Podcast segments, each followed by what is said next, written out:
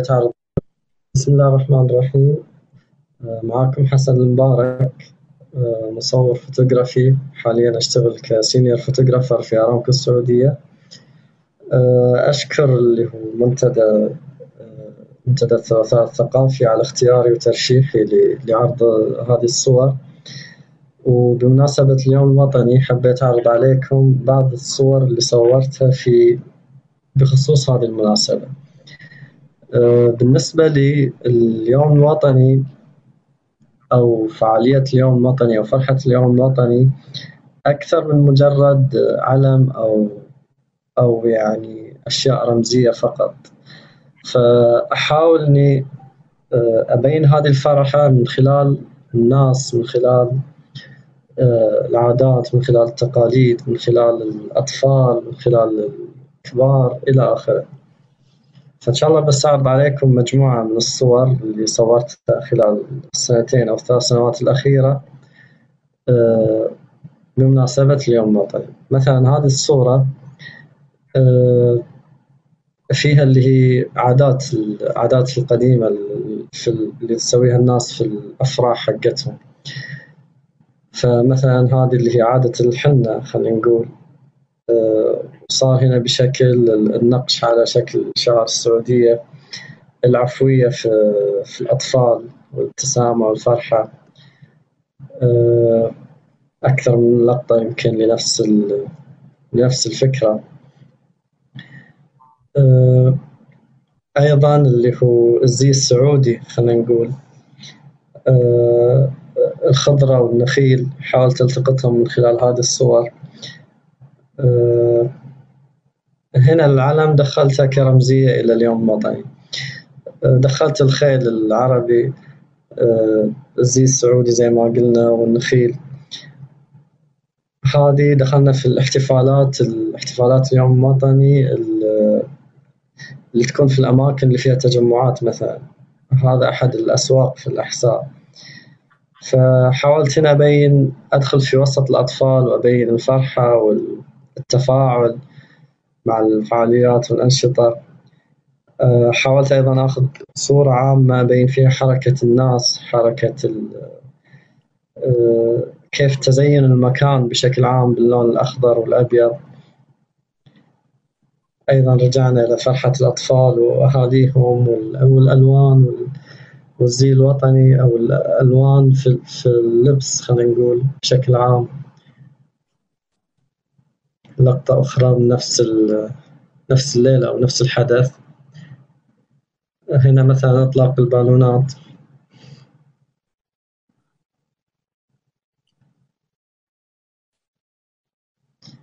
هذه الصورة التقطتها في اللي هو آه، حديقة جواثة أو منتزه جواثة في الأحساء أيضا. فحاولت أبين فرحة الأطفال الأنشطة اللي قاعدة تصير مثلا في في البحيرة الصغيرة هذه. العلم اللون الأخضر بشكل عام.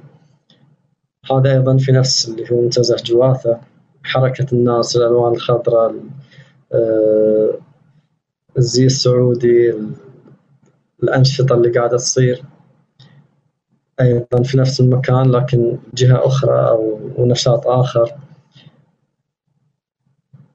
أحد الفعاليات اللي كانت موجودة ذيك السنة اللي هي المناطيد.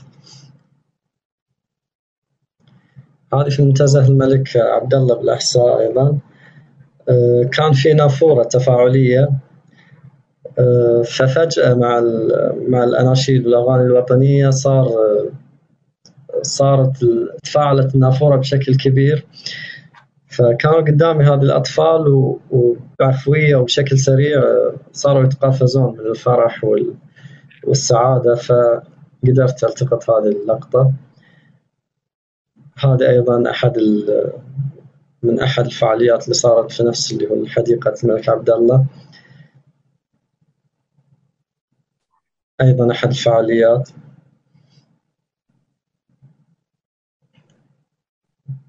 بعدين بدأت الألعاب النارية.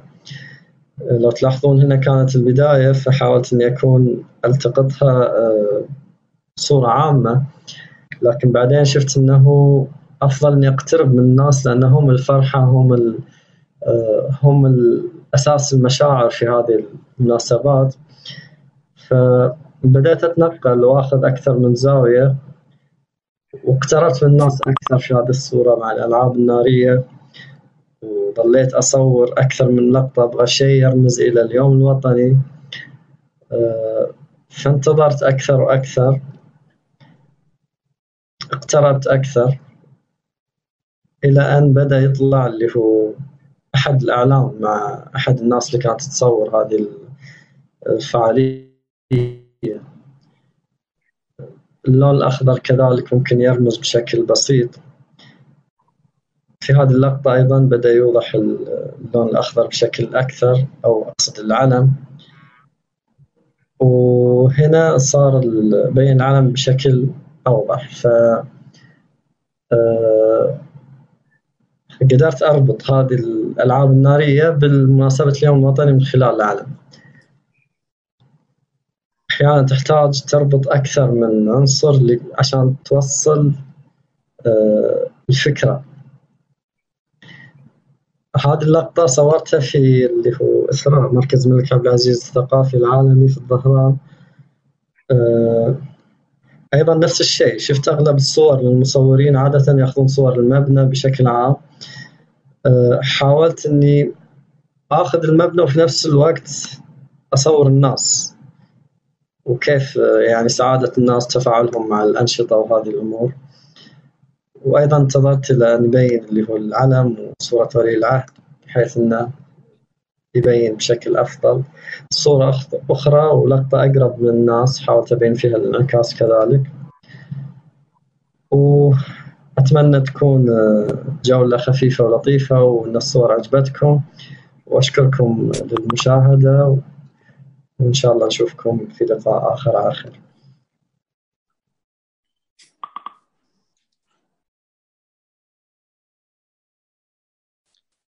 إذا بسم الله الرحمن الرحيم. أعزائي الحضور السلام عليكم جميعا ورحمة الله تعالى وبركاته.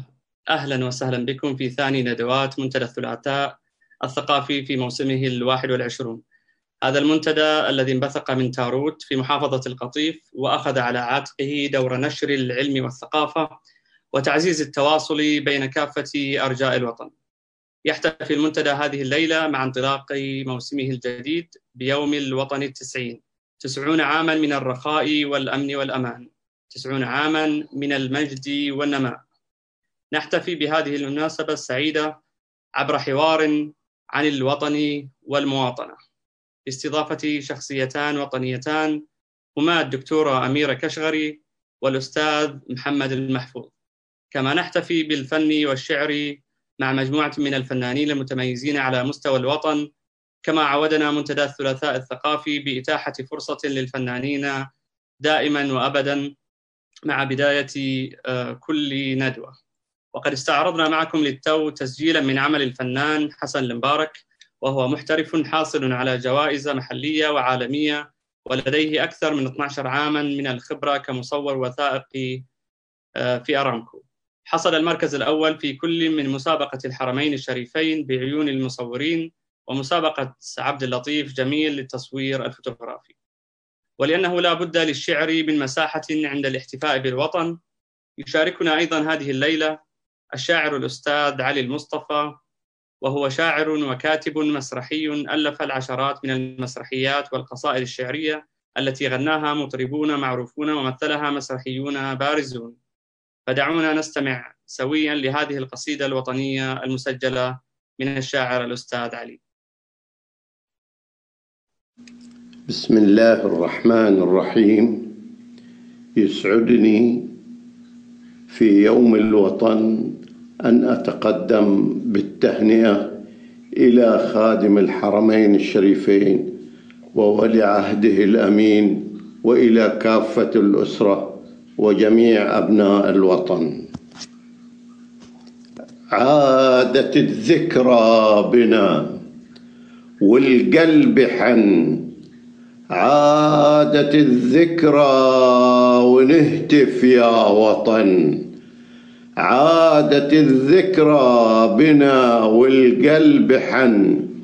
عادت الذكرى ونهتف يا وطن. انت تاريخ وحضارة انت أنوار ومنارة. يحفظك ربي وننعم بالأمن وعادت الذكرى بنا والقلب حن. يا وطن يا وطن شمسك دفانا يا وطن نبعك سقانا يا وطن انت الأمانة والأمين الحب أعلن. وعادت الذكرى بنا والقلب حن.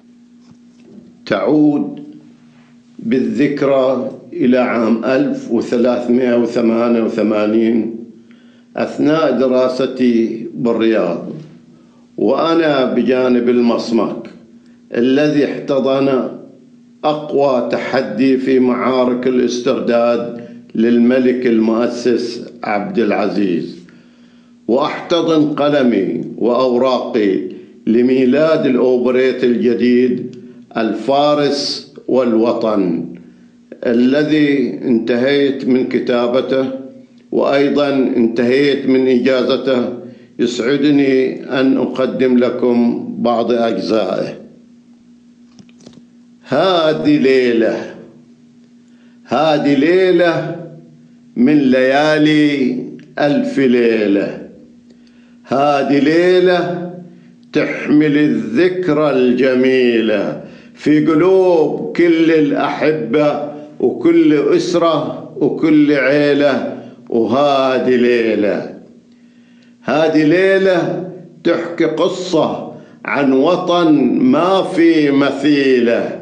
هذه ليلة أغلى فرحة والوطن حبه نشيلة. في قلوب تنبض بحبه وما بيرضيها بديله وهذه ليلة. نبتدي معكم حكاية عن ابن فخر النهاية.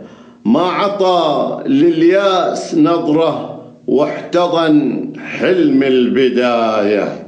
وكان حلمه يعيد موطن والسند رب البرايا اجتمع في كل رجالة وكانت اللمة الأصيلة وهذه ليلة. ألا يا موطن العزة أنا حلمك. ألا يا موطن الآباء أنا اسمك. ألا يا موطن الأجداد أنا عزمك. بإذن الله بإذن الله ورجو الله أنا دعمك. وصل أرض الرياض الحب وعانقها بنبض القلب ومن حبه طلب ربه يعينه.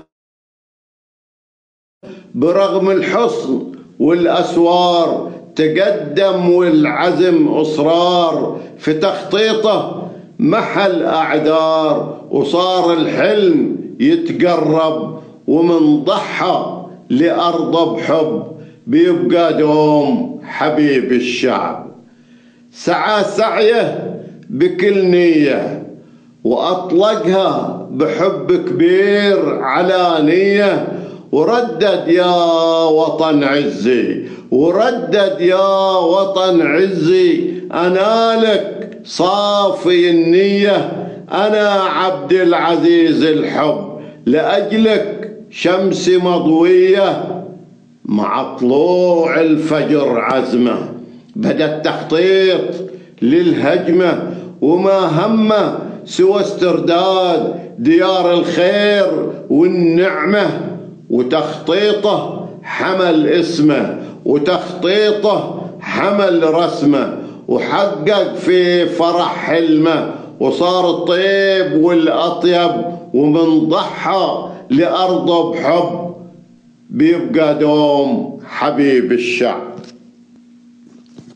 صبح عبد العزيز اسمه بيتردد في كل أسرة. هتفنا به وهتفنا له وصار السعد ومسره وتربة أرضنا توفي. لمن ضحى لها بعمره ورددنا بكل حبنا أيا عبد العزيز الحب؟ ومن ضحى لأرضه بحب بيبقى دوم حبيب الشعب. نعيش الآن سعادتنا مع سلمان محبتنا ونبقى والحزم شعلة بتهدي الدنيا كلمتنا ويبقى محمد بفعله. واسمه يضوي شمعتنا بيسعى بهمة الواثق. خطاو العز لعزتنا. ويا زين الشعب كلمة. سعودية لجمعتنا. شعب واحد وصوت واحد. ملكنا فعل سمعتنا. ويد وحدة بكل وحدة. خطاو العز خطوتنا سعوديين ومحبين سعوديين ومتجمعين يا أرض الخير جمعتنا.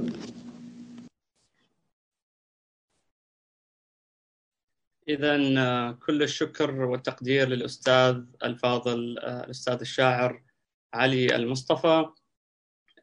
كانت هذه مقدمة هذه الأمسية بجرعة فنية ووطنية من الشاعر المتميز الأستاذ علي. كذلك من الفنان حسن المبارك الذي شاركنا بالمقطع المسجل للأعمال الفنية الجميلة. هنا نصل للوجبة الرئيسية الوجبة الدسمة لهذه الليلة للب هذه الأمسية وهو حوارنا لهذه الليلة عن الوطن والمواطنة. قد تختلف طريقة هذه هذه الندوة أو هذا اللقاء عن الطرق التقليدية للندوات. فعوضا عن تقديم كل من ضيفي الكريمين ورقة ثم بدء الحوار أو مناقشة هذا الموضوع.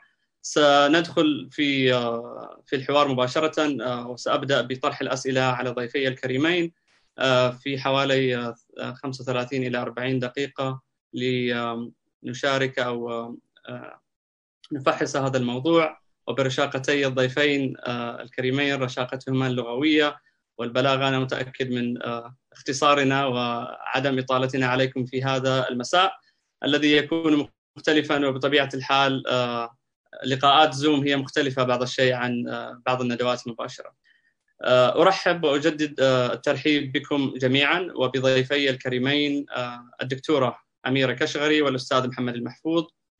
الدكتورة أميرة كشغري أديبة وكاتبة وأستاذ مشارك سابق في كلية الآداب والعلوم الإنسانية بجامعة الملك عبد العزيز حاصلة على الدكتوراه في اللسانيات الإنجليزية في تخصص اللسانيات الاجتماعية وتحليل الخطاب. لها العديد من الكتابات الأدبية والصحفية والأبحاث العلمية المنشورة كما أن لها أيضا مشاركات في الإعلام المرئي والمسموع والحوارات الوطنية. وهي إحدى المهتمات بالبحث العلمي في مجال اللسانيات والترجمة والتعليم ودراسات المرأة العربية. أهلا بك دكتورة. أهلا بك مرحبا. اولا طبعا أشكرك على التقديم وأشكر الجميع الحضور. أشكر كل من ساهم في إثراء هذا المنتدى والاستمرارية في التواصل حتى وقت الحجر والأوقات الشديدة اوقات الأزمات. وخاصة أصبحت الآن التكنولوجيا أداة من أدوات التواصل واستطعنا من خلالها وبحمد الله أن نستمر في العطاء سواء الثقافي الحواري الإبداعي بكل طرقه. وشكرا لكم. شرفتينا دكتور. كذلك نرحب بالأستاذ محمد المحفوظ وهو مؤلف وكاتب لمقالات ثقافية اجتماعية وفكرية في جريدة اليوم والرياض شارك بأبحاث ودراسات عديدة في مؤتمرات فكرية محلية وعربية كما ساهم في إدارة مجلة البصائر وشارك في تأسيس وإدارة مجلة الكلمة وهي مجلة فصلية تعنى بالقضايا الفكرية والثقافية. كما أن له العديد من المؤلفات والكتب في الفكر الإسلامي بشكل عام. إذا الوطن والمواطنة. هذا هو عنوان ندوة هذا المساء الذي نناقشه مع ضيفينا نرحب بك أستاذ أبو مصطفى. حياك الله حبيبي الله يحفظك. نورنا الله يسلمك. لمناقشة هذا الموضوع لابد لنا في البدء بتعريف مصطلح المواطنة. كثير من المصطلحات نسمعها كثيرا على يعني نسمعها كثيرا وتتداول كثيرا لكن قبل الخوض في هذا الموضوع لابد لنا أن نعرف في البداية هذا المصطلح. فأود البدء معك دكتورة وتعريفك وفهمك لهذا المصطلح ثم ننتقل للاستاذ محمد. تمام. أنا في الحقيقة يعني كنت أحب أبدأ بإني أشكر الملتقى في حواراته في تواصله لم أستطع أن أقدم. هذه مقدمة كان المفروض يعني أتحدث بها في البداية لكن فاتني. ولليوم الوطني في اليوم غدا هو 23 سبتمبر يوم الوطن باقات حب وامتنان ولكل من أسهم في إرساء القيم الإنسانية العليا ولكل من عمل للمبادئ المبشرة بالسلام والمحبة. فنحن دين السلام ووطن المحبة. ولكل من شارك في بناء مستقبل ترسمه إنجازات أبناء الوطن رجالا ونساء على امتداد صفحاتك يا وطني. وأعتقد أننا اليوم على أوتارك يا وطن سنشدو أنشودة أمن وأمان للوحدة الوطنية وسنقف مع الوحدة الوطنية ومع كل أبناء الوطن لنقدم باقات الشكر وباقات المباركة لقائد مسيرتنا خادم الحرمين الشريفين الملك سلمان حفظه الله ولولي عهده الأمين الأمير اسمه الأمير محمد بن سلمان. ننتقل يعني السؤال اللي طرحته عن مفهوم المواطنة. شخصيا أبدأ بأن أميز بين مفهوم عدة مفاهيم مرتبطة بالمواطنة. والمفهوم الأول هو الوطنية. نحن دائما ندرس الثقافة الوطنية أو التربية الوطنية وأيضا نحتفل باليوم الوطني. وقد نخلط بين مفهوم المواطنة ومفهوم الوطنية. فلابد من تحرير هذا المصطلح وإزالة هذا التداخل اللغوي بهذه المفاهيم التي يعني تنبع من جذر واحد أو جذر جذرين متشابهين متقاربين. ففي السياق اليومي نحن نستخدم هذه المصطلحات ويغيب عن وعي الكثير منا وبالذات الأجيال الجديدة أو الطلبة والطالبات. الوعي بمفهوم المواطنة.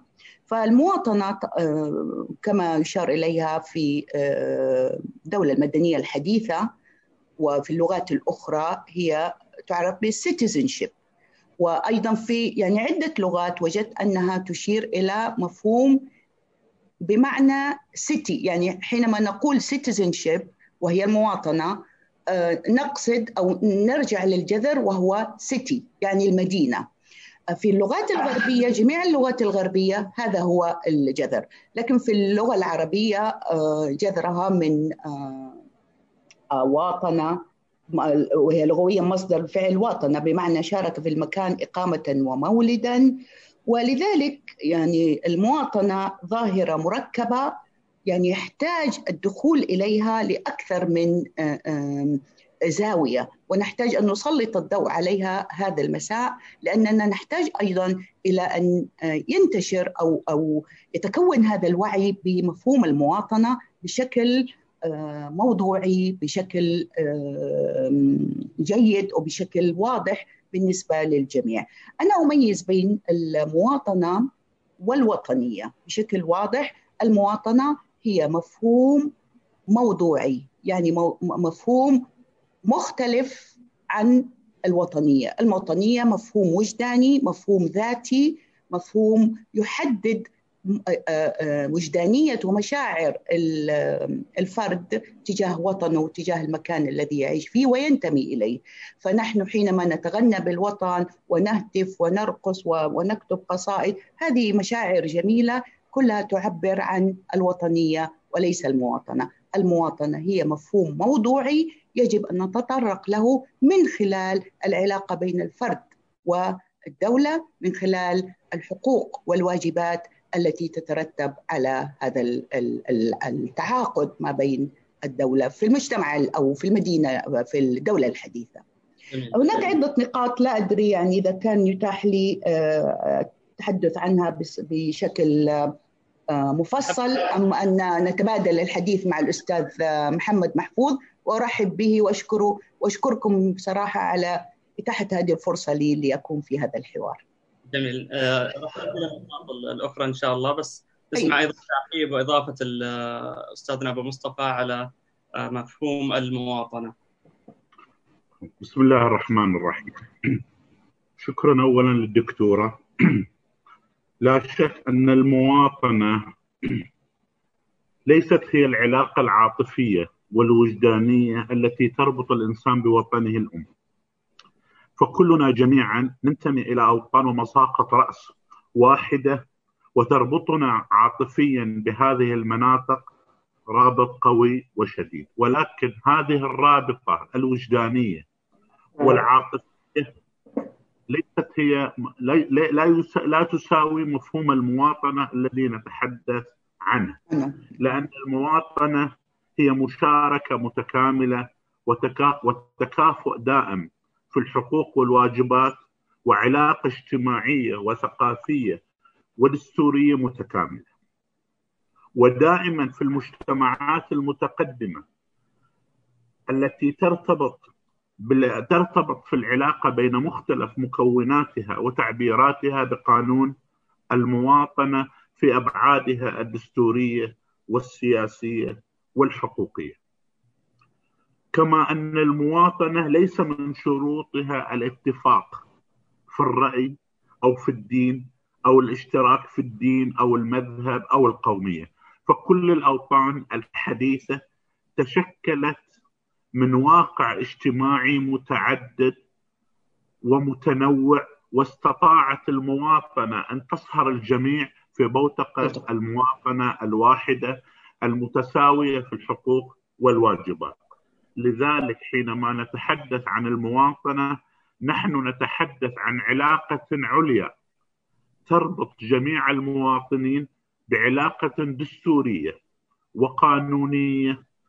تعمل هذه العلاقة الدستورية والقانونية على تنظيم العلاقة وتحديد الواجبات والحقوق في في فضاء وطني واحد يحقق الجميع من خلال هذا الفضاء الوطني الواحد كل التعبيرات السياسية والقانونية، لذلك المواطنة هي علاقة هي العلاقة الدستورية التي تربط المواطنين جميعا بعلاقة واحدة.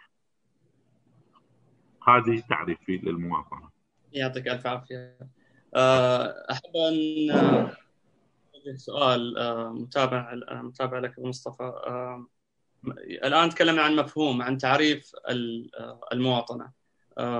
نعم. إذا أردنا الحديث عن مقومات وأسس المواطنة وقد يتداخل الحديث يمكن بين الإجابتين لكن إذا أردنا وضع مقومات وأسس للمواطن آه، ماذا ستضع آه، آه، من مقومات؟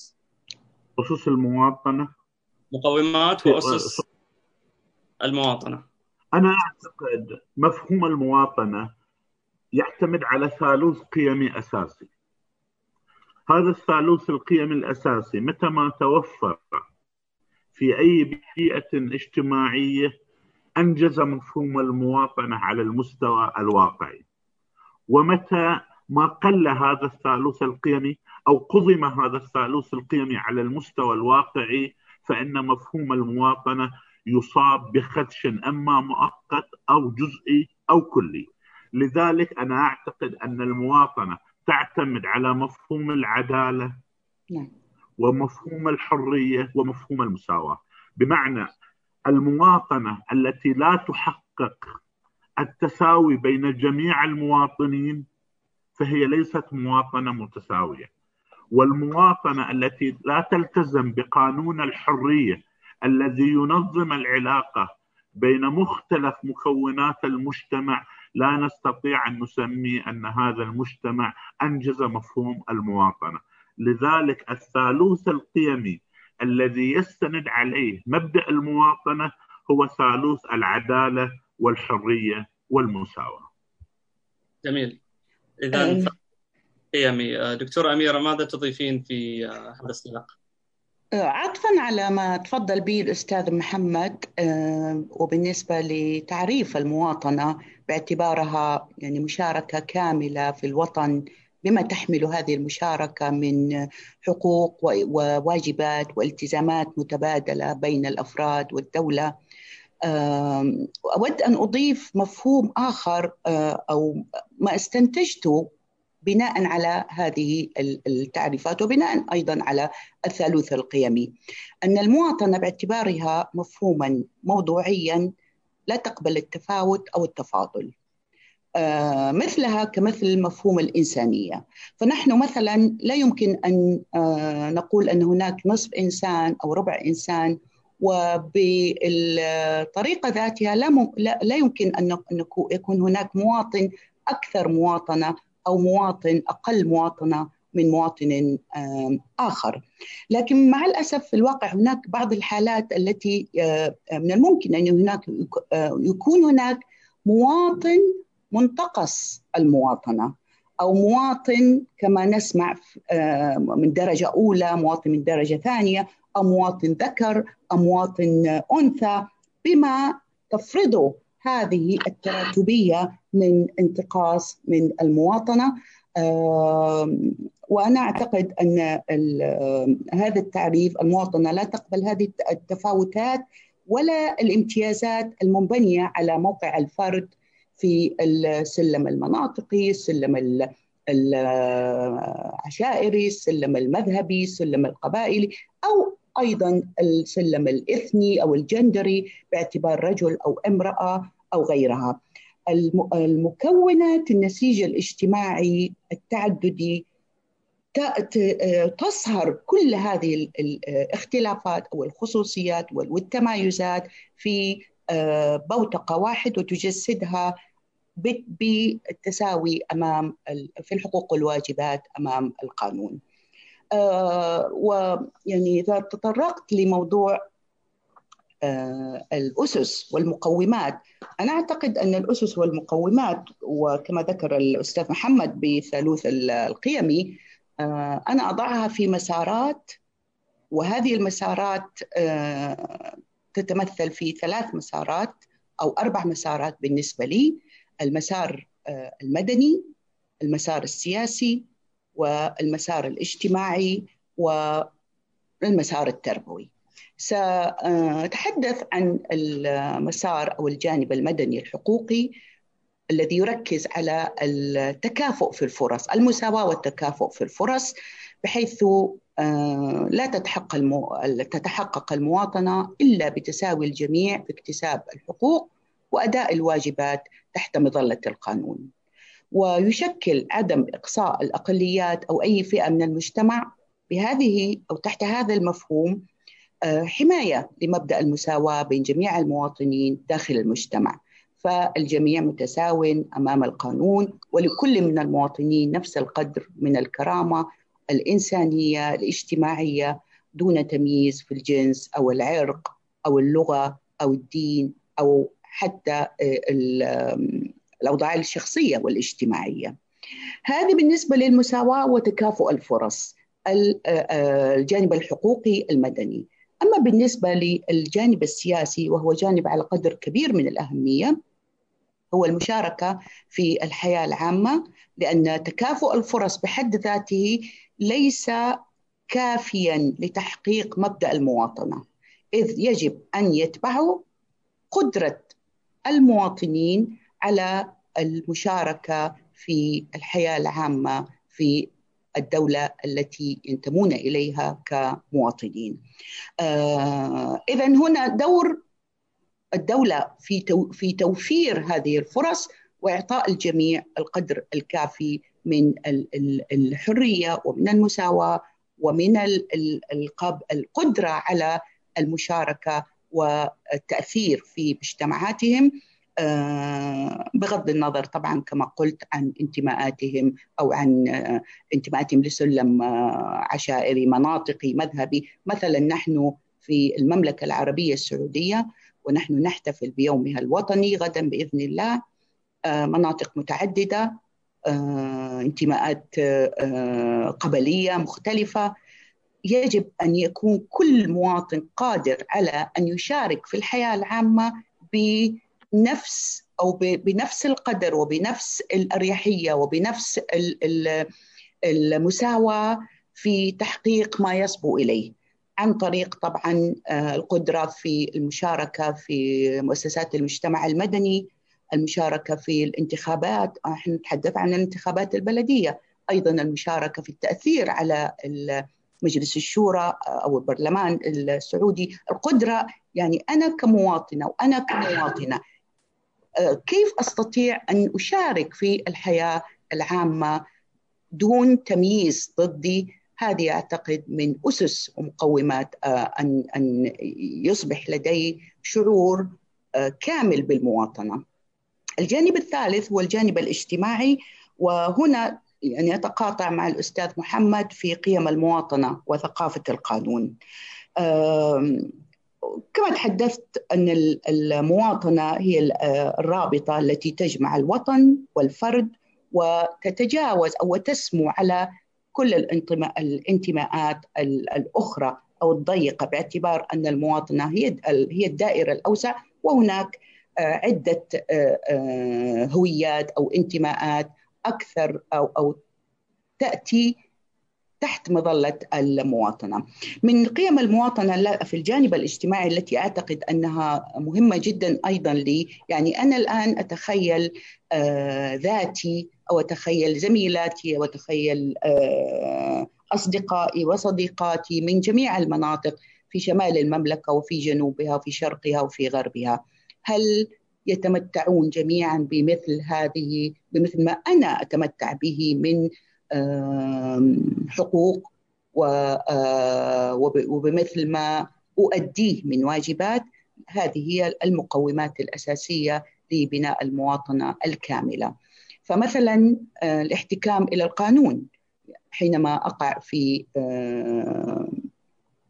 مشكلة أو أقع في أزمة أو أقع في صراع حتى أبسط الأشياء الحياتية اليومية أحتكم إلى القانون، القانون ينصفني، اذا هنا تحققت قيم المواطنة وأعطتني الشعور بالمواطنة الكاملة والارتياح. الا يكون لأي مواطن القدرة على استغلال نفوذ أو استغلال أو استعمال علاقات خاصة مع ذوي نفوذ وتتاح هذه لمواطن دون مواطن. هذه أيضا من قيم المواطنة وأسس القيم المواطنة. احترام حرية الآخرين بغض النظر أيضا عن انتماءاتهم.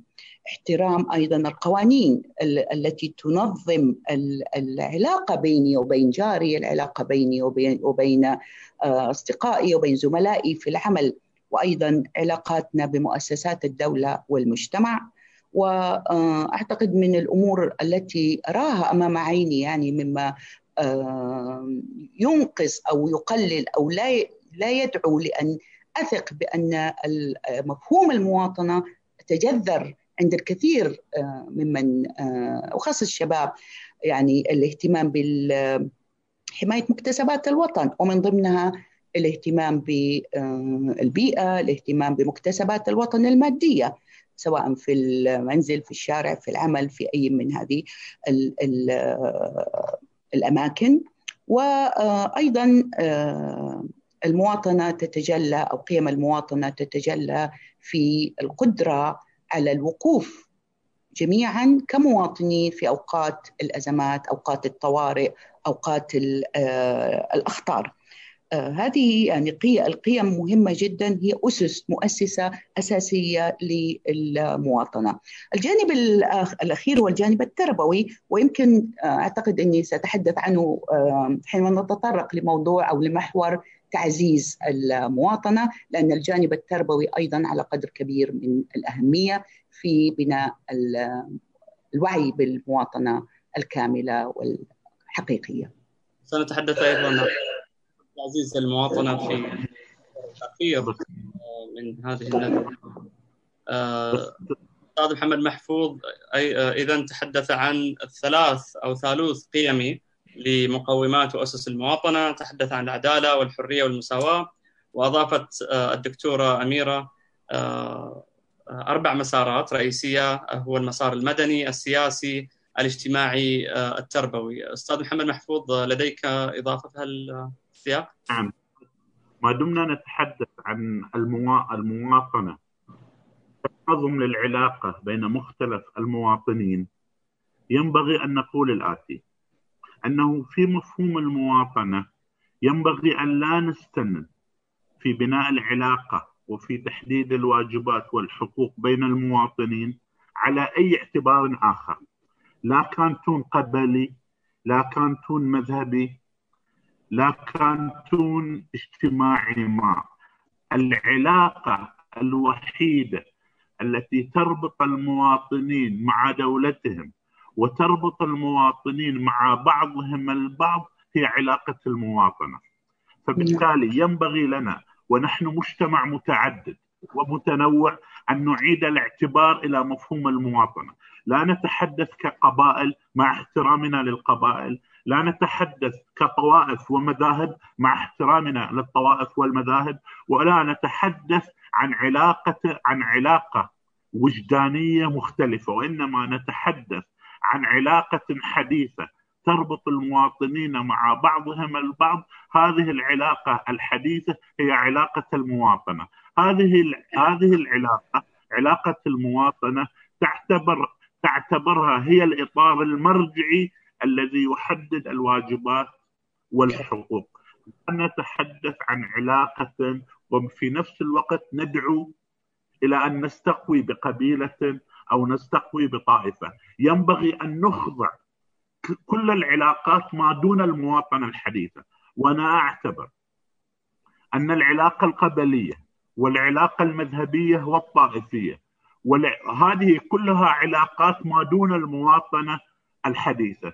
نحن ينبغي أن نتحدث عن عن قانون المواطنة الحديثة الذي لا يجعل من المواطنة إلا الإطار المرجعي لكل المواطنين ويجعل من الانتماءات ما دون المواطنة هي انتماءات محل احترام وتقدير ولكنها لا تحدد واجبات ولا تحدد حقوق لأي مواطن من المواطنين. جميل. يعطيك العافية أستاذنا. آه، أحب أشكركم في البداية على الالتزام. آه، حاليا يعني بالاختصار في مشار آه، يعني مناقشة هذا هذين المحورين. آه، على ال time يعني on time زي ما يقولوا. وصلنا إلى نصف الوقت وباقي نصف المحاور أو المحورين الأخيرين. ومستمتع جدا حقيقة وأظن أيضا الجميع مستمتع ومستفيد من هذا الكلام الشيق والحوار الجميل. المحور الثالث هنا هو عن المواطنة والتنوع الثقافي. وربما تطرقتم بطريقة أو بأخرى لهذا الجانب. حيث يمتاز بلدنا بالتنوع الثقافي والتعدد الاجتماعي. أه، تنفرد كل منطقة بموروثها الشعبي المميز من شمال المملكة لجنوبها ومن شرقها لغربها. فكيف ينعكس ذلك على المواطنة؟ أبدأ معك دكتوره اميره جميل طبعا أه، بروتوكول أو أه، طبيعة الندوة بأن تكون حوارية آه، لأنه أعتقد موضوع المواطنة سواء في آه، بعدها التعريفي أو بعدها المقوماتي أو بعدها أيضا التعزيزي المحاور الأربعة التي طرحتموها مهم جدا أن تكون ممارسة أن تكون عملية أن تكون يعني أنا دائما حتى وأنا أتعامل مع آه، طالباتي مثلا في الجامعة يهمني جدا الوعي يعني خلق ذلك الوعي بالانطواء والإحساس بالمواطنة، الإحساس بأنك جزء لا يتجزأ من وطن لك حقوق وعليك واجبات. وهذا يعني عن طريق الحوار وعن طريق الأمثلة يعني الفكر والنظري مهم جدا. لكن أعتقد أن الممارسة هي أكثر أهمية. آه، طبعا التشريعات لها دور القوانين لها دور لكن الممارسة هي أكثر أهمية في تعزيز آه، آه، مفهوم المواطنة أو أيضا التطرق لموضوع التعدد الثقافي. كيف نعيش هذه الأفكار وهذه المفاهيم. فبالنسبه للمواطنة والتنوع الثقافي كما ذكرت نحن عموما المجتمعات الحديثة المدنية الحديثة تتسم جميعها بهذا التنوع. نحن نادرا ما نجد مجتمع يقتصر على ثقافة واحدة أو على لغة واحدة أو حتى على دين واحد هناك الكثير من ال ال الاندماج أو أو التعايش الذي أصبح يسم مجتمعاتنا الحديثة. لكني أشير في موضوع التنوع الثقافي إلى المواطنة المواطنة باعتبارها حاضنة مفهوم التنوع الثقافي. وسعيد جدا في الحقيقة حينما طلعت على أدبيات المواطنة والتنوع الثقافي والتعددية وما وكثير من المفاهيم التي درست بشكل مفصل سواء في الدراسات السياسية والقانونية والاجتماعية والإنسانية. فلفت نظري الدليل العربي للتربية على المواطنة. وهذا الدليل العربي للتربية على المواطنة يعني يسعدني هو صدر في عام 1400 عفوا 2014 يعني حديثا وشاركت فيه مؤسسات طبعا مختلفة وشاركت فيه دول عربية مختلفة باعتبار أننا في طور بناء المواطنة وفي طور خلق الوعي ورفع الوعي بأهمية المواطنة لانها هي الضامن الوحيد للوحدة الوطنية. فنرجع لحاضنه التنوع الثقافي، حينما تكون المواطنة حاضنة للتنوع الثقافي تستطيع أن تستوعب التعددية الثقافية. التعددية الثقافية هي مصدر غنى للمجتمع مصدر غنى للجميع. يعني شرقا غربا لغة نحن طبعا مجتمعنا لغة واحدة لكن نتحدث عن المجتمعات الأخرى في العالم. هناك مجتمعات مثلا كسويسرا المجتمعات الغربية وبلجيكا فيها قوميات مختلفة بها لغات مختلفة وأيضا إسبانيا يعني تختلف لغات وتختلف هناك عرقيات مختلفة إثنيات مختلفة أيضا تراث مختلف. فالتعددية الثقافية الاعتراف بالتعددية الثقافية استيعاب التعددية الثقافية وليس استبعادها هو الضامن الوحيد لخلق المواطنه الكاملة ولخلق الاندماج ولخلق الوحدة الوطنية. أن تكون هويتي أنا لي هوية خاصة هوية ذاتية ولكن الهوية الكبرى هي دائما للوطن بشكل في في وحدته الوطنية. فالتنوع الثقافي يحتاج إلى حسن إدارة حسن إدارة بحيث أسمح أو أعرف متى وكيف أن تكون المركزية مهمة ومتى تكون غير مهمة أو تكون سلبية بالنسبة للوحدة الوطنية. فتذويب التنوع الثقافي في بوتقة مركزية ضاغطة هو سلبي على المواطن كفرد على الوطنيه أو الإحساس بالمواطنة على المستوى الجماعي وعلى مستوى الدولة أيضا. فهنا نطرح فكرة هل استيعاب الخصوصيات الثقافية مهم؟ استيعاب هذه الخصوصية الثقافات الخصوصيات الثقافية والتعدديات الثقافية مهم أو كيف أبني هذا الاستيعاب لدى الفرد لكي يستطيع أن يمارس ايجابيا دوره كمواطن. هناك طبعا العديد من المسارات أيضا والعديد من الآليات والعديد من القوانين التي تعزز هذا التوجه وأيضا هناك قوانين أو هناك قد لا تكون قوانين قد تكون ممارسات غير مقننة ولكنها تؤدي في النهاية إلى استبعاد هذه التعدديات الثقافية ومن ثم يكون الأثر هو سلبي بكل أبعاده الوطنية والسياسية والاقتصادية والاجتماعية والثقافية. وهنا طبعا المهم جدا دور الإعلام. أنا أعتقد أن الإعلام لدينا الآن استطاع أو في خطواته الصحيحة نحو استيعاب التعددية أو الثقافيه أو التنوع الثقافي في وطننا.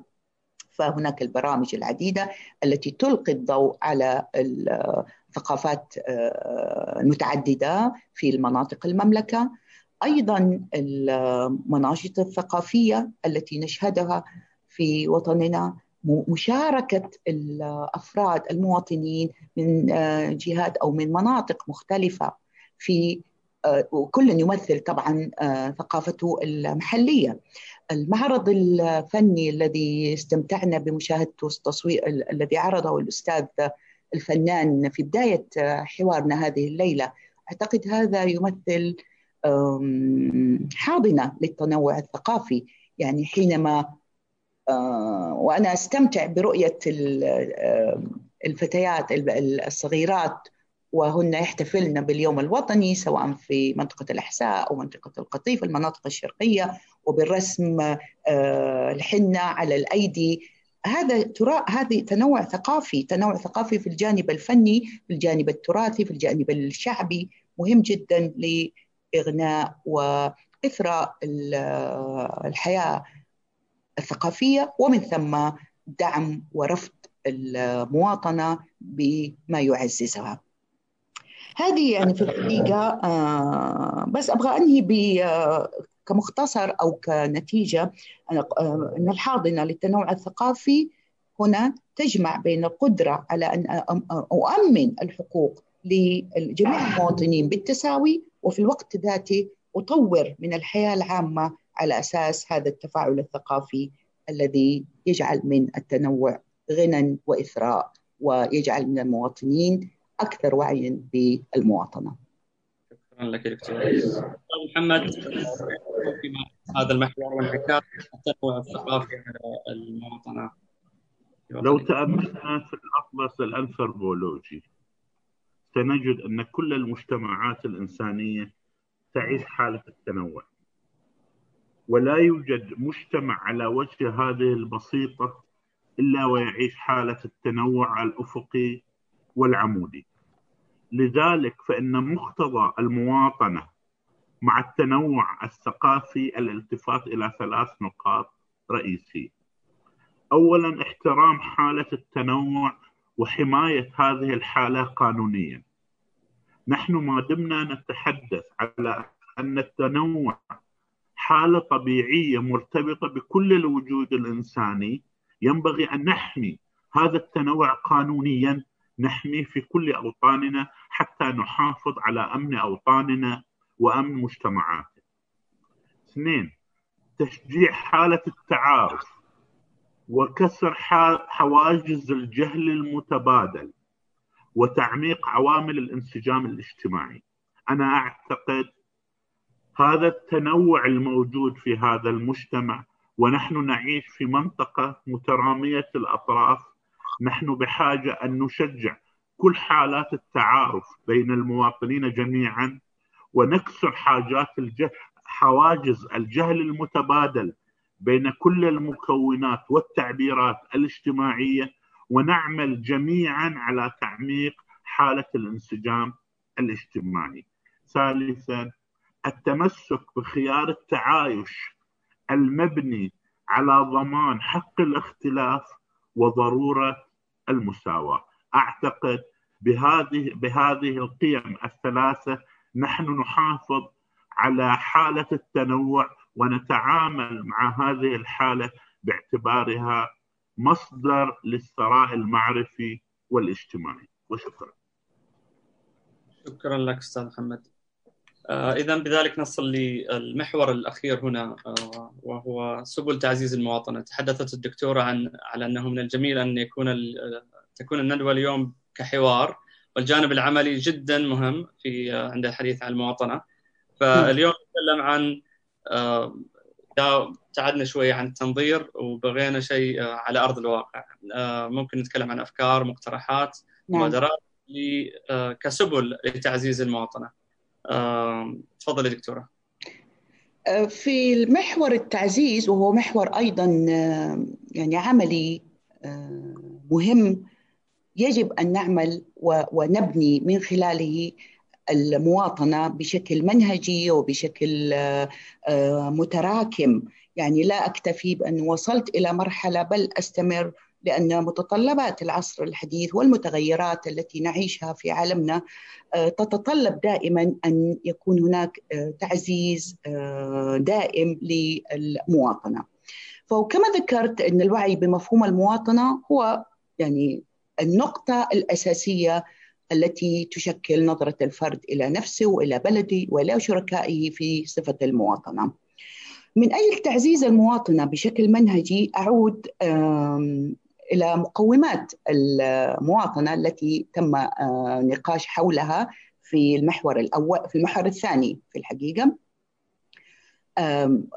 العمل في رأيي يجب أن يكون بشكل دائم بشكل مستمر على أن أفعل تلك المقومات وأطورها في مسارات ملموسة مسارات وقوانين واضحة بأن تكون مكتوبة تشريعيا السلطة التشريعية دور كبير لها في صياغة هذه القوانين أو التشريعات. في كل يعني في عدة مستويات وفضاءات مختلفة سواء عن طريق الوزارات أو عن طريق المؤسسات المؤسسات المجتمع المدني في كل هذه الدوائر. وكما ذكرت أن كتابة القوانين أو التقنين بحد ذاته غير كافي فيجب أن يكون لدينا ممارسة ويتبع تلك الممارسة أيضا مراقبة الجهات الرقابية. ولذلك يعني أيضا سأطرح الحقيقة عندي جوانب مختلفة وهي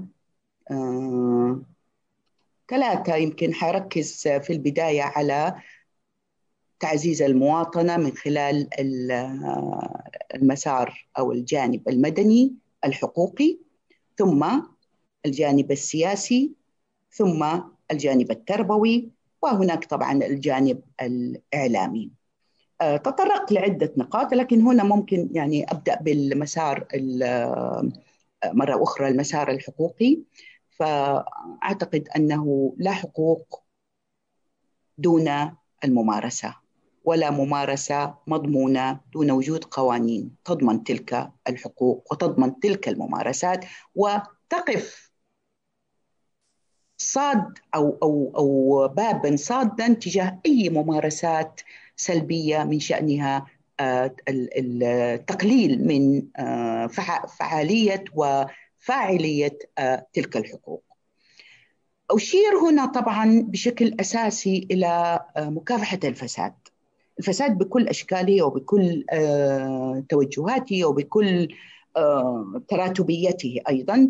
طبعا مبدأ تكافؤ الفرص للمواطنين حصول المواطنين على حقوقهم المدنية. هذه لا يحميها غير أن يكون هناك وقفة صارمة وتشريع ممارس ومراقب لمكافحة وهذا الفساد في أي جهة كان موجودا سواء في المؤسسات الحكومية المؤسسات المدنية والمؤسسات التعليمية طبعا.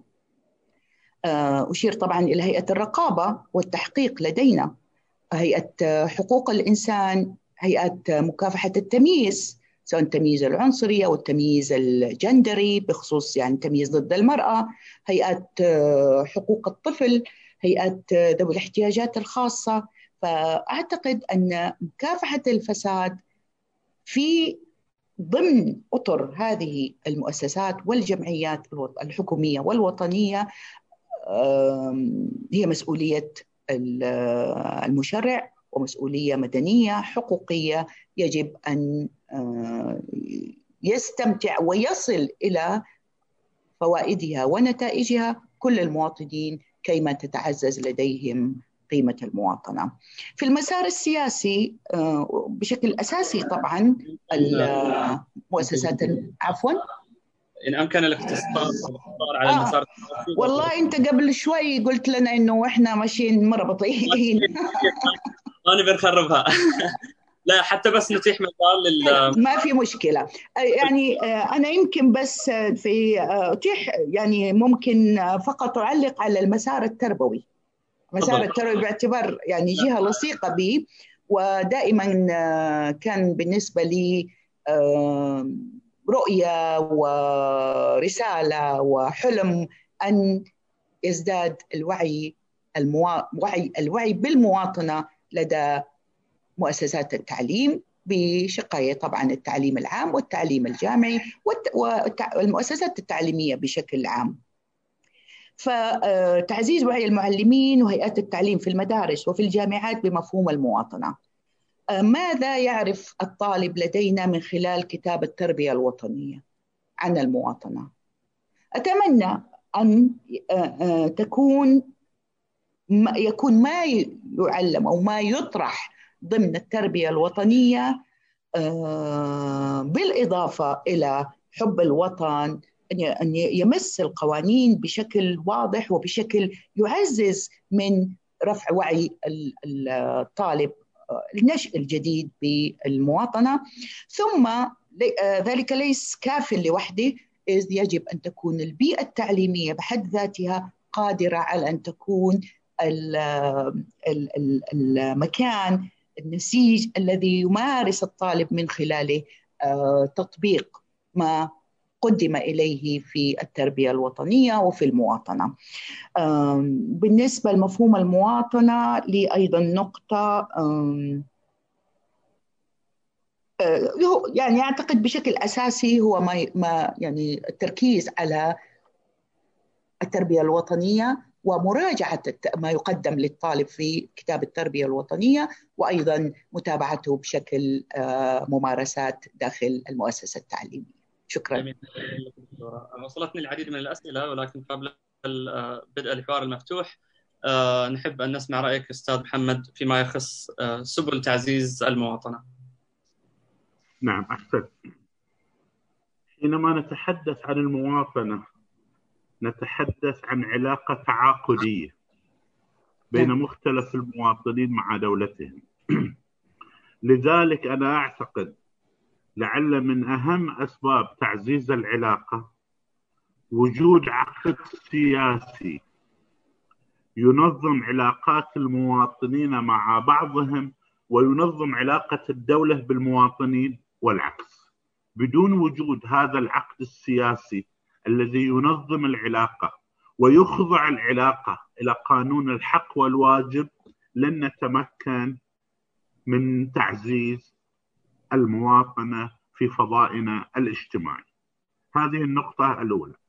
النقطة الثانية العمل على دعم كل مشروعات ومبادرات التواصل بين كل التعبيرات والمكونات والعمل على تنقية الواقع من كل من كل عناصر الإقصاء والتهميش وسوء الظن. نحن أيضا بحاجة أن نشجع كل مبادرات التواصل بين مختلف التعبيرات والمكونات. النقطة الثالثة تطوير حقائق حقوق الإنسان ومنع كل عمليات التعدي على هذه الحقوق سواء كانت مادية أو معنوية وأنا أعتقد لا يمكن أن نعزز سبل تعزيز المواطنة بدون تطوير نظام حقوق الإنسان ماديا ومعنويا لأن هذا المواطنين لهم حقوق مادية ومعنوية ولن نستطيع أن نضمن حقوق الجميع إلا بتطوير نظام حقوق الإنسان وشكرا. شكرا حبيبي. شكرا لك أستاذ محمد. آه الآن نبدأ الحوار المفتوح فقرة الحوار المفتوح وصلتني آه العديد من الأسئلة. آه أجدد شكري لكم دكتورة واستاذ محمد. آه أحب أن آخذ بعض الأسئلة هنا وأوجه يمكن السؤال الأول لك أستاذ محمد. آه نعم. سؤال من الأخ أحمد الخميس يقول كيف ترون العلاقة بين الخطاب الديني السائد وترسيخ مفهوم المواطنة هل هي علاقة تنافر أم علاقة تكامل وتعزيز في إطار التوجه للدولة المدنية الحديثة الخطاب الديني الحديث يمكن أن نسميه خطاب تجاهل. لا زال لم يستطع هذا الخطاب الديني أن يقترب من مفهوم المواطنة ويعمل على دعم هذا المفهوم ثقافيا وادبيا. لذلك على هذا الصعيد نستطيع أن نقول أن الخطاب الديني يتجاهل حقائق حقائق المواطنة ويعمل على تجاوز هذا المفهوم ويعمل على النقاشات السديميه أو التي تتجاوز كل التعبيرات الخاضعة لقانون المواطنة والمواطن. شكرا. شكرا لك آه، في إضافة دكتورة؟ الخطاب الديني بما يعني سار أو بما وصل إليه في أيامنا أو في آه، في سردياتنا الآن التي بتنا نسمعها خطاب أعتقد آه، به آه، تناقضات. لكن بدأ يتلمس طريقة لأن يكون داعم لارساء حقوق المواطنة أو مفهوم المواطنة بشقيها الحقوقي حقوق الحقوق والواجبات. آه، بمعنى آخر هذا الخطاب كان دائما آه، يعني لا يركز. دعني أقول لا يركز لم أقول أنه ينفر يعني من أن تكون هناك آه، تعددية من أن تكون هناك قدرة للأفراد على أو قدرة للمجتمع السياسي على استيعاب مكونات المجتمع بانتماءاتها وبفضاءاتها المختلفة. الآن أصبح هناك نوع في رأيي أنا شخصيا أو من ملاحظاتي آه، نوع من آه، البدء يعني في أول خطوة نحو الطريق الصحيح أو الطريق الذي أراه أنا صحيحا. جميل. أحب أن أنوه أن للمشاركة يسعدنا التنويع ما بين مداخلات صوتية ومداخلات مكتوبة. آه، إذا كان في أي رغبة بالمداخلة في ال option اللي هو raise hand آه، ممكن الدكتور أيضا محمد الحماقي يساعدنا في ال control على هذا الموضوع. آه، إلى أن يجهز أي متداخل سأوجه السؤال الثاني من الأخ نادر الإبراهيم. يقول الأخ نادر ما هي شروط تقويم المفاهيم الوطنية من قبل الدولة؟ عفوا ممكن السؤال مرة ثانية؟ السؤال يقول ما هي شروط تقوية المفاهيم الوطنية من قبل الدولة؟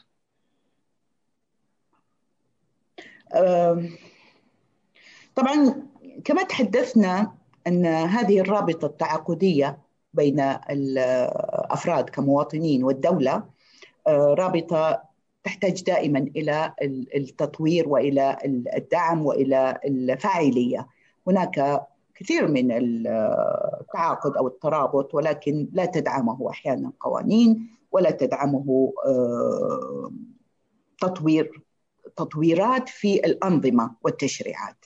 فأنا أعتقد أن تطوير الأنظمة وتطوير التشريعات من المهام شديده الفعالية وشديدة الأهمية في آه، الاستجابة لما يرى أو ما يطرحه الأستاذ آه، نادر. شكرا لك. في أي مداخلة مباشرة مداخلة صوتية؟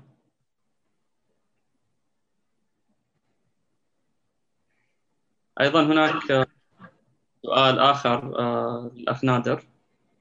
آه، يقول هل المشاركة الوطنية من خلال تواجد المواطن في المجالس البلدية أو مجلس الشورى تعتبر رافد مهم في تقوية المواطنة؟ أستاذ محمد. كل آه، صيغ المشاركة الشعبية لكل المواطنين هي صيغ لتحقيق وإنجاز مفهوم المواطنة. لذلك كل ما توفرت إمكانية أن نشارك في القرار من خلال مجالس بلدية منتخبة أو مستقبلا من خلال مجالس شورى منتخبة أعتقد أن المشاركة هي التي تعزز من مفهوم المواطنه لدينا جميعا. جميل. فقط. آه، سؤال من الأستاذ علي الراضي أو علي الرضي آه، السلام عليكم هل مركز الحوار انتهى أنه لا يزال له مهام عملية يقوم بها؟ آه، هل تسمح لي بالإجابة؟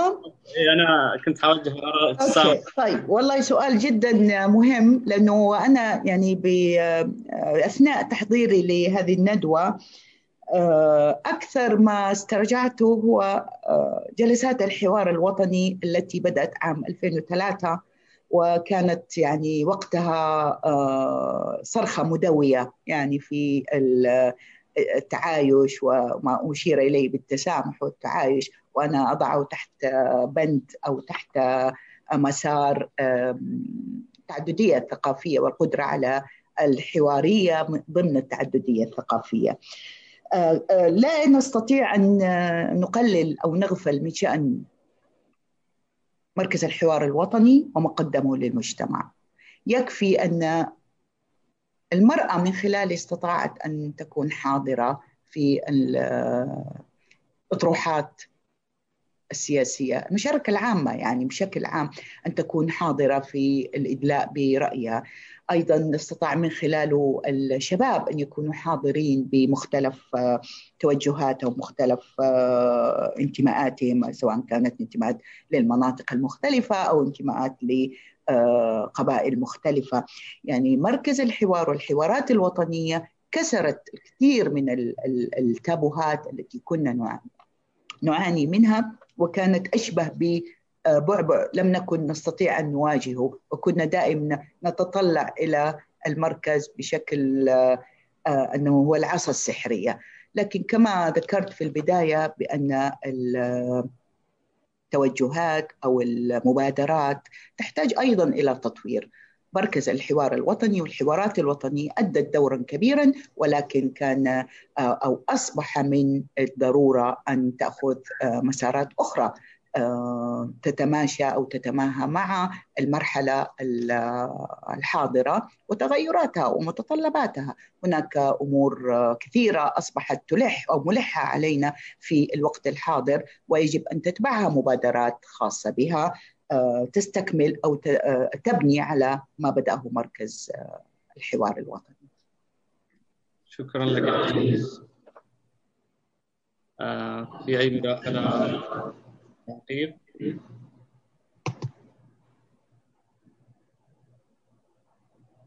إذا لا يوجد أي سؤال حاليا أبعد آه، المايك للأستاذ جعفر الشايب راعي المنتدى. آه، وكلمة ربما ختامية هنا. تفضل أستاذ أبو هادي أستاذ جعفر. لا ليست كلمة ختامية وإنما آه، يعني مشاركة أيضا يعني في أسئلة. أنا أشكر الضيفين العزيزين على وجودهما معنا في هذا المساء الجميل الدكتورة أميرة والأستاذ محمد محفوظ. وعلى هذا الثراء الجميل يعني أعتقد أن الندوة فعلا فيها مادة يعني علمية ومادة آه، مهمة في موضوع المواطنة. يعني عندما نراجع كل ما قيل في هذا المساء الجميل يمكن يعني الوصول إلى حصيلة آه، معرفية مهمة جدا. فأنا أكرر الشكر الجزيل لهم على مشاركتهم وعلى هذا آه، العطاء آه، الفكري الجميل. آه، أحببت أن يعني أواصل الحوار في هذا الموضوع من خلال طرح تساؤل يدور عادة في النقاشات في مثل هذا الموضوع أو قضايا حقوق الإنسان أو يعني عندما نتناول قضايا تتسم بتطوير مفاهيم آه، السياسية يعني نحو آه، الدولة الوطنية الحديثة. يطرح عادة هذا التساؤل بأنه في المناطق التي يعني حصلت فيها ظروف التحول باتجاه يعني تعزيز حقوق الإنسان والمواطنة وتنظيم ودسترة هذه المفاهيم قانونيا.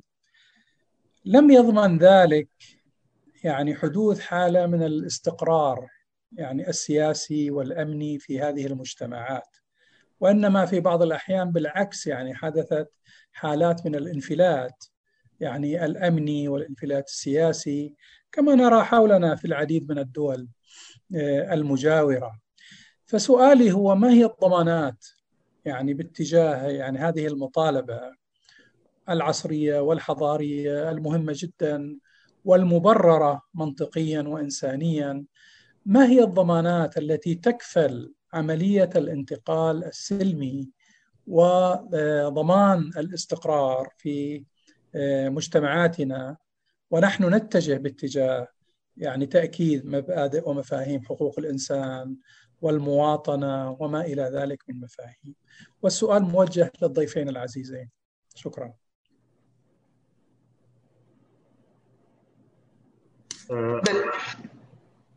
تفضلوا آه، أستاذ محمد إيه.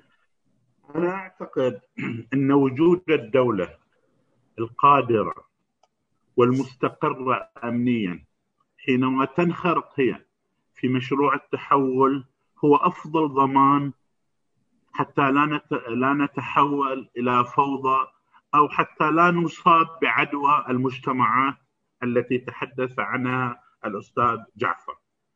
أما المجتمعات التي أصيبت بضعف في استقرارها السياسي لكونها لم تتعامل مع مفهوم الإصلاح باعتباره حالة طارئة وسريعة وإنما أخرت خطوات الإصلاح إلى أن ضعفت الدولة بحيث أصبحت غير قادرة على القيام بخطوات الإصلاح بضمان الاستقرار السياسي، أنا أعتقد أن الدولة في مجتمعنا لا زالت قادرة ولا زالت متمكنة وأي خطوة في اتجاه الإصلاح هو أفضل وقت مناسب له هو هذه اللحظة الزمنية المجتمع بحاجة إلى إصلاح. النخب العامة في هذا المجتمع نساء ورجالا يتطلعن إلى مشروع الإصلاح. والدولة لا زالت قادرة على إدارة الاصلاح ضمن متطلبات الأمن والاستقرار. وشكرا. تفضل دكتورة. كان عندك يمكن في الحقيقة أشكر أستاذ جعفر على طرح الموضوع موضوع التحول الوطني والقدرة على أو الضمانات ما الذي يضمن؟ أو مراجعة لما نراه حولنا في العالم العربي طبعا بشكل أساسي والعالم بشكل عام. يعني حتى الآن إذا نظرنا إلى أكبر قوى سياسية اقتصادية في العالم مثل الولايات المتحدة الأمريكية وما نراه من تحولات ومن شبه فوضى يعني قد تكون بدأت الدخول فيها وحركات المناهضة أو الحركات الشعب الشعبية وليس الشعبوية طبعا الطامحة في أن تمارس حقها الدستوري القانوني باعتبارهم مواطنين. ويعني لمستني بشكل كبير آه، حركة آه، حياة السود مهمة. يعني هل هذه الدول يجب أن نستقي العبر كثير من التاريخ ومن الدول التي سبقتنا في مسارات التحولات الكبرى التحولات السياسية التحولات الإصلاحية الكبرى وهل استطاعت أن تحافظ عليها أو أن لا تحافظ عليها؟ أعتقد الضامن الواحد هو آه، آه، أن يكون هناك آه، تفاعل عضوي ما بين كل المسارات المسار السياسي المسار الاقتصادي المسار الاجتماعي. يعني كل مسار الرفاهية الاجتماعية يعني إذا لم تستطع الدولة حماية حقوق المواطنين السياسية بغض النظر عن انتماءاتهم الطائفية إذا لم تستطع أن تقف هي صاد ضد كل من يحاول أن يبث الفوضى أو يحاول أن ينتهك الوحدة الوطنية من خلال التعامل آه، مع آه، الأقليات أو سوء التعامل مع الأقليات ايا كانت هذه الأقليات أو آه، سوء التعامل أو سوء استخدام القوانين فهذه يعني كارثة ستكون كارثة. المسار الاقتصادي يعني الاقتصادي يتداخل كثيرا يعني رفاهية الشعب مهمة جدا أيضا قدرة المواطن على أن يكون لديه حياة كريمة يحصل على وظيفة معدلات البطالة تكون معقولة. ف يعني المسارات الثلاث متداخلة بشكل كبير. ما يحصل في العالم بشكل عام أعتقد أنه يعني قلة موارد. وهذه يعني حقائق تطرح الآن في العالم بأجمع ونحن جزء من العالم. يعني كثرة التعداد السكاني وقلة الموارد أو قلة ما يعرض في من وظائف وغيره وأيضا يعني كيف استطاعت التكنولوجيا أن تحل محل الموظفين؟ يعني القضية بحد ذاتها قضية متشابكة ومعقدة. وإذا لم يكن هناك رؤية واضحة وقدرة صارمة على الموازنة بين كل هذه الجوانب فهذا ما حصل في الدول المجاورة. أتمنى طبعا أنا أعتقد نحن كدولة ما زال أمامنا الكثير لكن ما زال لدينا أيضا الكثير. وبدأنا يعني خطوة جيدة جدا في سبيل الوحدة الوطنية وهي الأساس في سبيل تقليل ومكافحة هذا التمييز بناء على العرق أو المنطقة أو المذهب أو غيره. هذه خطوة ضامنة صراحة بشكل كبير للتحول الوطني بشكل سلس وبأمن وأمان. وأتمنى ذلك إن شاء الله. جميل. هذا الحوار الرائع ما زال يولد التساؤلات وردني أيضا سؤال من الأستاذ أحمد الخميس. أوجهه للأستاذ محمد المحفوظ يقول أحمد ماذا عن شمولية التنمية المستدامة على امتداد رقعة وطننا السعودي المترامي وأثرها في تعزيز مفهوم المواطنة؟ وما دور مؤسسات المجتمع المدني في ذلك؟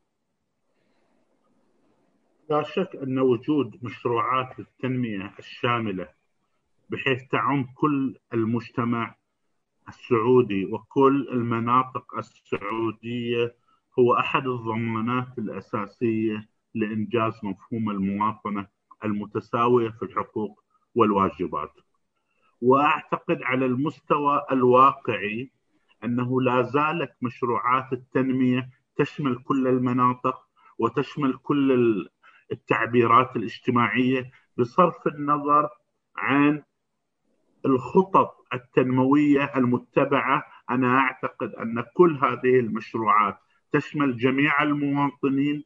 لا شك أنه أن هؤلاء المواطنين يتطلعون إلى أشياء كثيرة مرتبطة بالتنمية ويتطلعون إلى المزيد من التنمية ولكننا ينبغي أن ننطلق من نقطة مركزية واحدة وهي أن ما يجري على المستوى التنموي السعودي هو مشروع متكامل ويشمل كل المناطق ونحن بحاجة على المستوى الوطني أن نمد يد العون والمساندة والمساندة على إلى كل مشروعات التنمية ونطالب بالمزيد بحيث نتحول جميعا كمواطنين إلى حالة تنموية مستدامة ومستقرة في نفس الوقت وشكرا.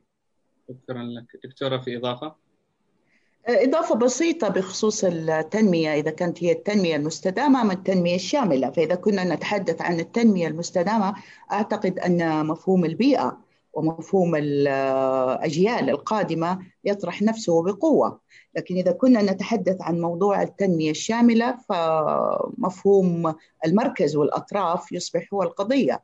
وكما تحدث الأستاذ محمد أعتقد أن هناك الآن تطور وتقدم جيد جدا بالنسبة ل الموازنة بين المركز والأطراف في جميع أنحاء المملكة بحيث أن تكون التنمية شاملة وتكون هناك نوع من العدالة أيضا في التوزيع وفي التنمية. وأيضا يكون هناك حل للهجرة يعني كما يقال تريف المدن. يعني نحن لن ننتظر حتى تكون المدن المراكز كالمدن الكبرى.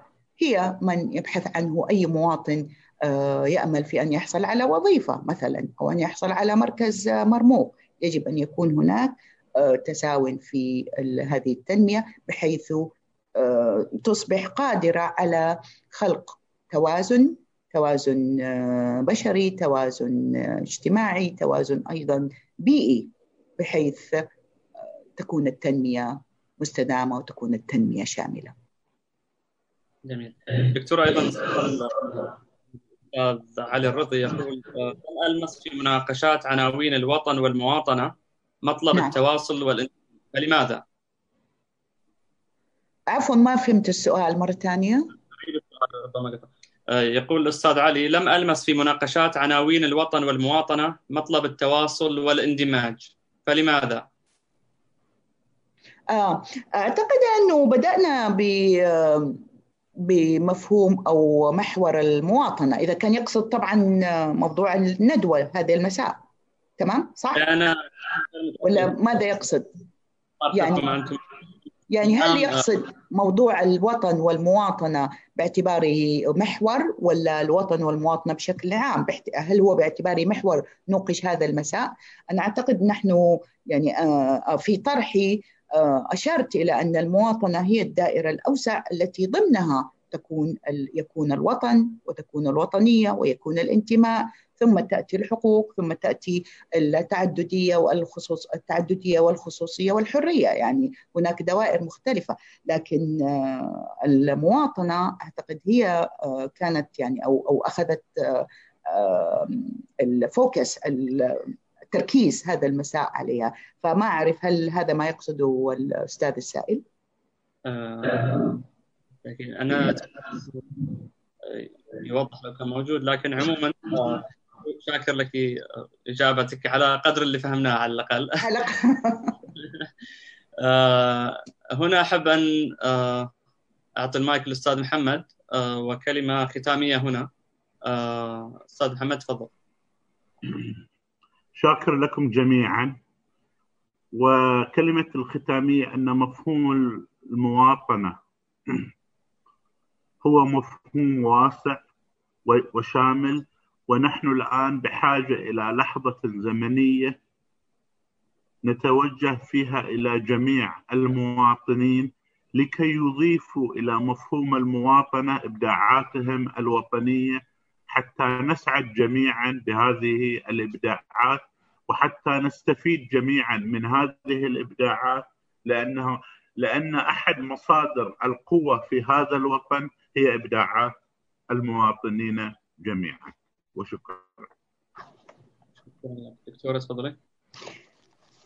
إذا كان لي من كلمة يعني أخيرة أتمنى أن تجد صدى لدى جميع المواطنين وهي الوعي ثم الوعي ثم الوعي بمفهوم المواطنة وما يتطلبه من وعي بالحقوق والواجبات. أنا طبعا سعيدة جدا بكون نحن كمواطنين ووطنيين نعبر عن مشاعرنا دائما بالأهازيج وبالأشعار وبالجميع مناحي التعبير الإبداعي. لكن أعتقد أن الوعي أو تعزيز الوعي بالمواطنة وغرس هذا الوعي بالمواطنة في النشء منذ الصغر هو الضمان الأساسي والحقيقي نحو الوحدة الوطنية ونحو مستقبل أفضل لجميع المواطنين وللدولة. وأشكركم جدا على طرح موضوع الوطن والمواطنة وكل عام والوطن بخير. وأنت بخير. إلى هنا نصل لختام لهذه الليلة أمسية الوطن أكرر شكري لضيفنا الكريم لضيفي الكريمين الدكتورة أميرة كشغري والأستاذ محمد المحفوظ وبقية المشاركين الكرام من فنانين وشعراء. ختاما أترككم مع عمل فني وطني كمشاركة من الفنان الملحن المتميز نبيل الغانم. شكرا لكم أعزائي المشاهدين والمشاهدات. طاب مساءكم وطاب مساء الوطن. في أمان الله. شكرا. سلام يا أحلى وطن في يد سلمان. سلمان وأبو سلمان فزعه وشيمان. شعب معاكم والمحبة من زمان وتاريخ يشهد بأنكم راية حكيمة سلام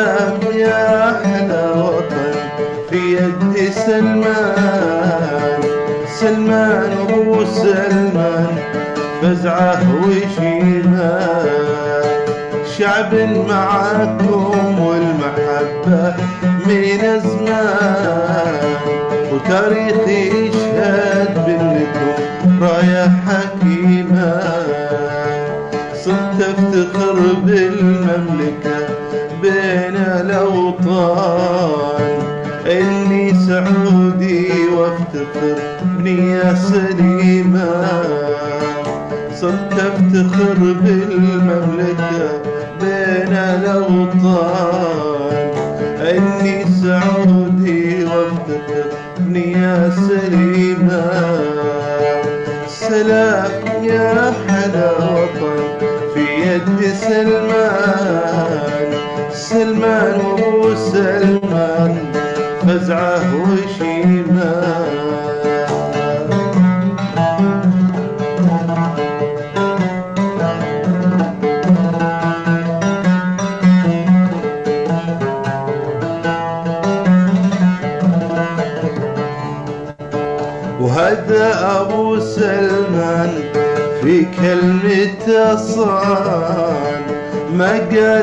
كلمة واصبحت كلمة قديمة.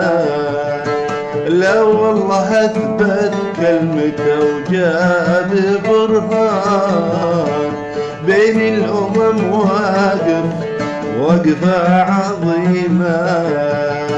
وهذا أبو سلمان في كلمة صان ما قال كلمة واصبحت كلمة قديمة لا والله أثبت كلمته وجاب برهان بين الأمم واقف وقفة عظيمة.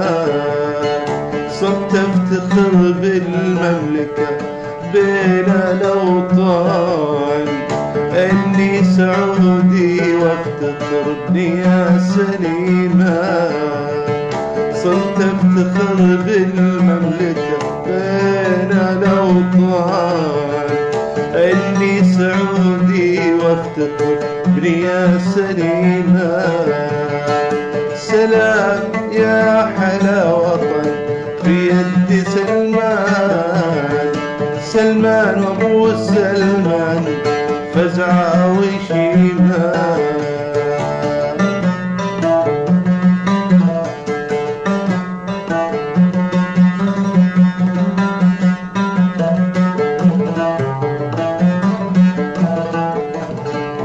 بالحق أنا أشهد وبايعك سلمان وهذا أبو سلمان عزة وقيمة سلام يا حلا وطن في يد سلمان سلمان وأبو سلمان فزعة وشيمة بالحق أنا أشهد وبايعك سلمان. وهذا أبو سلمان له زجه وقيمه سلام يا حلا وطن في يد سلمان. سلمان وابو سلمان فزعه ويجيبه